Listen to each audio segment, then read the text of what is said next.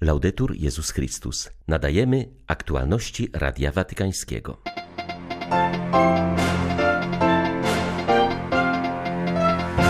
Ludzie na całym świecie oddają hołd zmarłej wczoraj królowej Elżbiecie. Papież Franciszek przypomniał jej niezłomne świadectwo wiary w Chrystusa i mocną nadzieję w Jego obietnice. Kardynał Konrad Krajewski po raz czwarty udał się w imieniu papieża na Ukrainę, odwiedzi Charków, Zaporoże i Odessę. Przed wyjazdem zapewnił, że jest to cicha i ewangeliczna wizyta, która ma pokazać Ukraińcom, że w cierpieniu nie są sami. 9 września witają Państwa Beata Zajączkowska i ksiądz Krzysztof Ołdakowski. Zapraszamy na serwis informacyjny. Śmierć królowej Elżbiety głęboko zasmuciła papieża Franciszka. Pisze o tym w telegramie kondolencyjnym przesłanym na ręce nowego króla Karola III. Zmarła monarchini kilkakrotnie gościła w Watykanie. Po raz pierwszy w 1951 roku za pontyfikatu Piusa XII, jeszcze przed objęciem tronu. Przekazując wyrazy współczucia Karolowi III, członkom królewskiej rodziny, a także mieszkańcom Zjednoczonego Królestwa i brytyjskiej wspólnoty narodów, Franciszek przyłącza się do modlitw o wieczny odpoczynek dla zmarłej królowej i wyraża uznanie dla jej niestrudzonej służby dla kraju i wspólnoty narodów a także dla jej niezłomnego świadectwa wiary w Jezusa Chrystusa i mocnej nadziei w Jego obietnice. Papież zapewnia też o swej modlitwie o Bożą pomoc dla nowego króla w wypełnianiu jego zaszczytnych obowiązków. Podczas swego długiego życia Elżbieta II spotkała w sumie pięciu papieży, w tym czterech jako królowa. Pierwszym, który podejmował ją w tym charakterze był Jan XXIII w 1961 roku. Wasza obecność w Watykanie jest najszczęśliwszym uwieńczeniem całej serii świadectw wzajemnej przyjaźni, którą naznaczone są wzajemne relacje między Zjednoczonym Królestwem i Stolicą Apostolską. Jan Paweł II spotkał się z królową Elżbietą trzykrotnie. Dwa razy podejmował ją w Watykanie po raz pierwszy w 1980 roku. W osobie Waszej Wysokości oddaję hołd chrześcijańskiej historii Waszego narodu, a także jego osiągnięciom kulturowym. Ideały wolności i demokracji zakorzenione w Waszej przeszłości pozostają wyzwaniem dla każdego pokolenia prawych obywateli Waszej ziemi. W tym stuleciu Wasz naród wielokrotnie starał się bronić tych ideałów przed agresją, Modlę się, aby te wielkie ideały były skutecznie zagwarantowane dla przyszłych pokoleń. Z Benedyktem XVI królowa Elżbieta spotkała się w Edynburgu podczas podróży apostolskiej do Wielkiej Brytanii z okazji beatyfikacji Johna Henry'ego Newmana. Po raz ostatni zmarła wczoraj królowa, gościła w Watykanie w 2014 roku. Podejmował ją wówczas papież Franciszek. Królowa Elżbieta nie tylko niestrudzenie poświęcała się służbie swemu narodowi, ale także nieustannie zawierzała swe panowanie Bogu. Zauważa kardynał Arthur Roach, prefekt dykasterii do spraw kultu Bożego. Jest on jednym z dwóch byłych poddanych zmarłej królowej, którzy pełnią kierownicze stanowiska w kurii rzymskiej. Często dawała wyraz swej chrześcijańskiej wierze podczas dorocznych orędzi bożonarodzeniowych i przy innych okazjach. Były to chwile wielkiego świadectwa wiary, Ewangelii i wartości dobra wspólnego, życia rodzinnego, pokoju i zgody między narodami. Jej łaskawość i takt, jej monarsza postawa i miłość do swoich poddanych w wielu krajach, kulturach i religiach wspólnoty narodów świadczyły o nieprzerwanej i wyjątkowej więzi oddania w służbie innym. Była bardzo kochana przez wszystkich. Aż do chwili śmierci pozostała wierna obietnicy, którą w wieku 21 lat złożyła w radiowej wypowiedzi. Deklaruję wobec Was wszystkich, że całe moje życie, długie czy krótkie, będzie oddane służbie dla Was. Długie panowanie królowej Elżbiety to czas wielkich przemian. Dotyczyły one również sytuacji Kościoła katolickiego w Wielkiej Brytanii.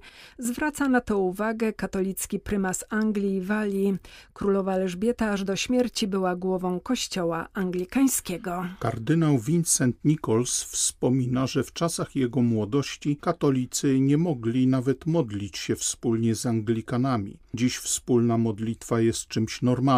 To właśnie za panowania królowej Elżbiety poczynione zostały kroki dla pełnego uznania katolików w Wielkiej Brytanii. Znamienne jest to, że dziś rano napływają przesłania z całego świata. Papież Franciszek skierował bardzo eleganckie przesłanie do naszego nowego króla. Podobnie czynią też biskupi na całym świecie i przywódcy polityczni. Ale są też przesłania osobiste. Ludzie mówią, że w królowej Elżbiecie stracili własną babcię. Lecz mało kto odnosi się do tego, co sama królowa mówiła o sobie, a mianowicie, że jej siłą i skałą, na której opiera się jej życie, jest jej chrześcijańska wiara. Mówiła, nauczanie Chrystusa i moja odpowiedzialność przed Bogiem to główne ramy mojego życia. Dlatego chciałbym powiedzieć, że jeśli tak bardzo podziwiamy to wszystko, co cechowało tę królową, jej mądrość, stabilność, otwarcie i bliskość względem poddanych, to musimy pamiętać, co było źródłem i inspiracją dla tej postawy. Mam nadzieję, że w tych dniach jeszcze bardziej stanie się jasne, że to właśnie chrześcijańska wiara ukształtowała każdy dzień jej życia. Kościół katolicki i anglikański jednoczy się w modlitwie za Elżbietę II. Wspominane jest wielkie oddanie zmarłej królowej, ale i to, że wiara chrześcijańska naznaczała każdy dzień jej życia i działalności. Jednoznaczna postawa chrześcijanki, stabilność, pokora i żelazna konsekwencja w realizacji swojej służby to cechy, które wymieniają wszyscy ludzie Kościoła na Wyspach. Prymas Irlandii, biskup John McDowell zauważa, że panowała w czasach, gdy monarchia była pod niezrównaną i bezlitosną kontrolą, której często towarzyszył palący komentarz. Dla wszystkich, którzy ją spotkali, było jasne, że interesuje się ludźmi ze wszystkich środowisk i że ich szanuje, napisał prymas Irlandii. Prowincjał jezuitów w Wielkiej Brytanii ksiądz Damian Howard również podkreśla, że wiara chrześcijańska, o której tak wymownie mówiła w ostatnich latach swego panowania, była centralnym elementem jej zrozumienia roli głowy państwa. Siła, którą odnalazła w Chrystusie, pomogła w zdumiewająco pokornym zjednoczeniu mieszkańców tego kraju.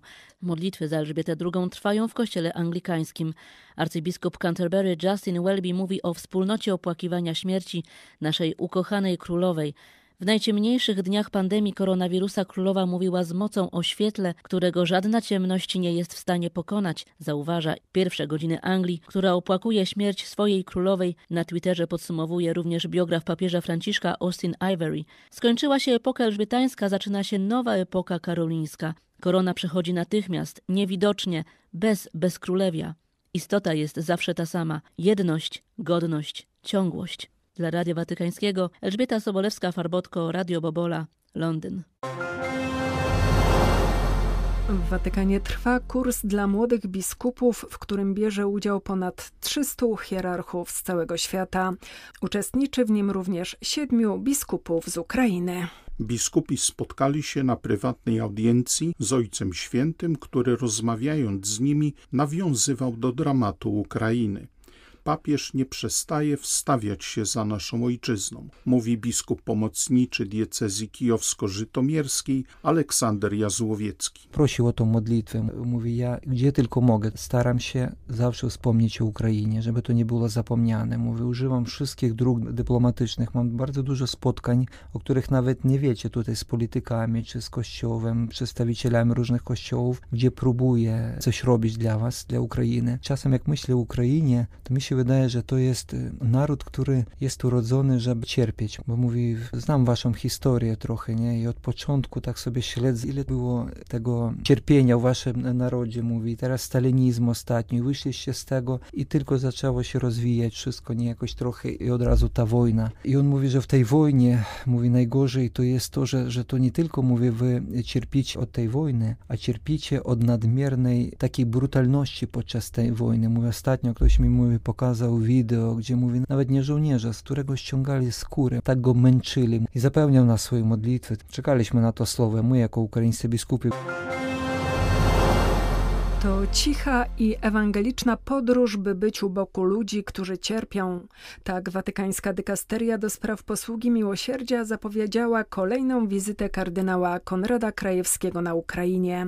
W imieniu papieża Franciszka odwiedzi on Odessę, Żytomierz, Charków i inne miejsca na południu i wschodzie tego kraju. Podczas swej czwartej podróży na Ukrainę spotka się on ze wspólnotami wierzących oraz kapłanami, zakonnikami, siostrami zakonnymi i biskupami, którzy od prawie 200 dni wojny pełnią swą posługę, nie zważając na niebezpieczeństwa, jakie niosą ze sobą walki. To cicha i ewangeliczna podróż, by być u boku ludzi, którzy cierpią, modlić się z nimi i nieść im pocieszenie, pokazując, że nie są sami w tej sytuacji, która przynosi zniszczenie i śmierć. Czytamy w komunikacie. Bus, który miał mużnik papieski, uda się na Ukrainę, to dar Ojca Świętego dla jednej z diecezji graniczącej z Rosją, który będzie służył do rozwożenia pomocy. Wizyta papieskiego jałmużnika na wschodzie naszego kraju jest dla nas widocznym wyrazem ogromnej solidarności papieża Franciszka z cierpiącą Ukrainą. Wskazuje na to ordynariusz diecezji charkowsko-zaporowskiej, której teren odwiedzi kardynał Konrad Krajewski. Biskup Paweł Gonczaruk zauważa, że nie jest to jedynie zastąpienie papieskiej podróży, która wciąż jest oczekiwana. Ta obecność ono podkreśla i jakby jest kontynuacją tego, co było do tego czasu, bo papież interesuje się Ukrainą nie od 24 lutego, tylko w 14 roku, jak rozpoczęła się wojna, on też zmobilizował i zorganizował wielką pomoc dla Ukrainy. Też materialną pomoc, pieniężną pomoc. Także papież jest z Ukrainą od początku. A ta wizyta kardynała, ona tylko jeszcze bardziej podkreśla i pokazuje, że papież Kościół jest z tym narodem, który broni swojej godności, broni prawdy, broni sprawiedliwości to będzie wzmocnienie na duchu, bo ci, którzy co zostali, to co ja mogę jakby zaświadczyć, oni zostali z własnego wyboru. Dlatego oni mają tyle mocną tą siłę ducha, że oni gotowi służyć, nawet jeżeli jest to pod zagrożeniem śmierci. I ten przyjazd kardynała, to on bardziej tak wzmocni w to, że my nie jesteśmy sami, że Kościół i łaska Boża jest z nami. Ubiegłej doby na całym terytorium Ukrainy ostrzelano różne miejscowości w 50 atakach rakietowych lub samolotowych. W samym Charkowie w czasie tej wojny jedna trzecia wszystkich budynków została już zniszczona. Równocześnie ukraińskie wojsko w ramach kontrofensywy wyzwoliło znaczne obszary okupowanego wcześniej terytorium. Ukraina zwycięża nad niesprawiedliwym wrogiem, powiedział arcybiskup Światosław Szewczuk. Zwierzchnik miejscowych grekokatolików kontynuował swoje przesłanie na czas wojny przekazywane w codziennych orędziach. Dzisiaj skupił się na konieczności poszanowania ludzkiego życia. Na tle tych wszystkich wydarzeń, jakie mają miejsce na froncie, przychodzą bardzo niepokojące wieści z tymczasowo okupowanych terytoriów. Wróg jakby szaleje z powodu własnej niemocy i wzmaga terror miejscowej ludności. Zakrywają się cywilami jak żywą tarczą, podobnie wykorzystują nawet zaporowską elektrownię atomową. Niestety mamy przykłady wyławiania ludzi na ulicach, aby następnie przymusowo ich mobilizować do wojska. I widzimy, jak okrutnie i metodycznie niszczą obecnie ukraiński naród okupanci na ukraińskiej ziemi. Dlatego dzisiaj wszyscy razem powinniśmy się zjednoczyć, aby chronić godność ludzkiego życia, bo to jest fundament wszelkiego sprawiedliwego społeczeństwa. Były to aktualności Radia Watykańskiego. Laudetur Jezus Chrystus.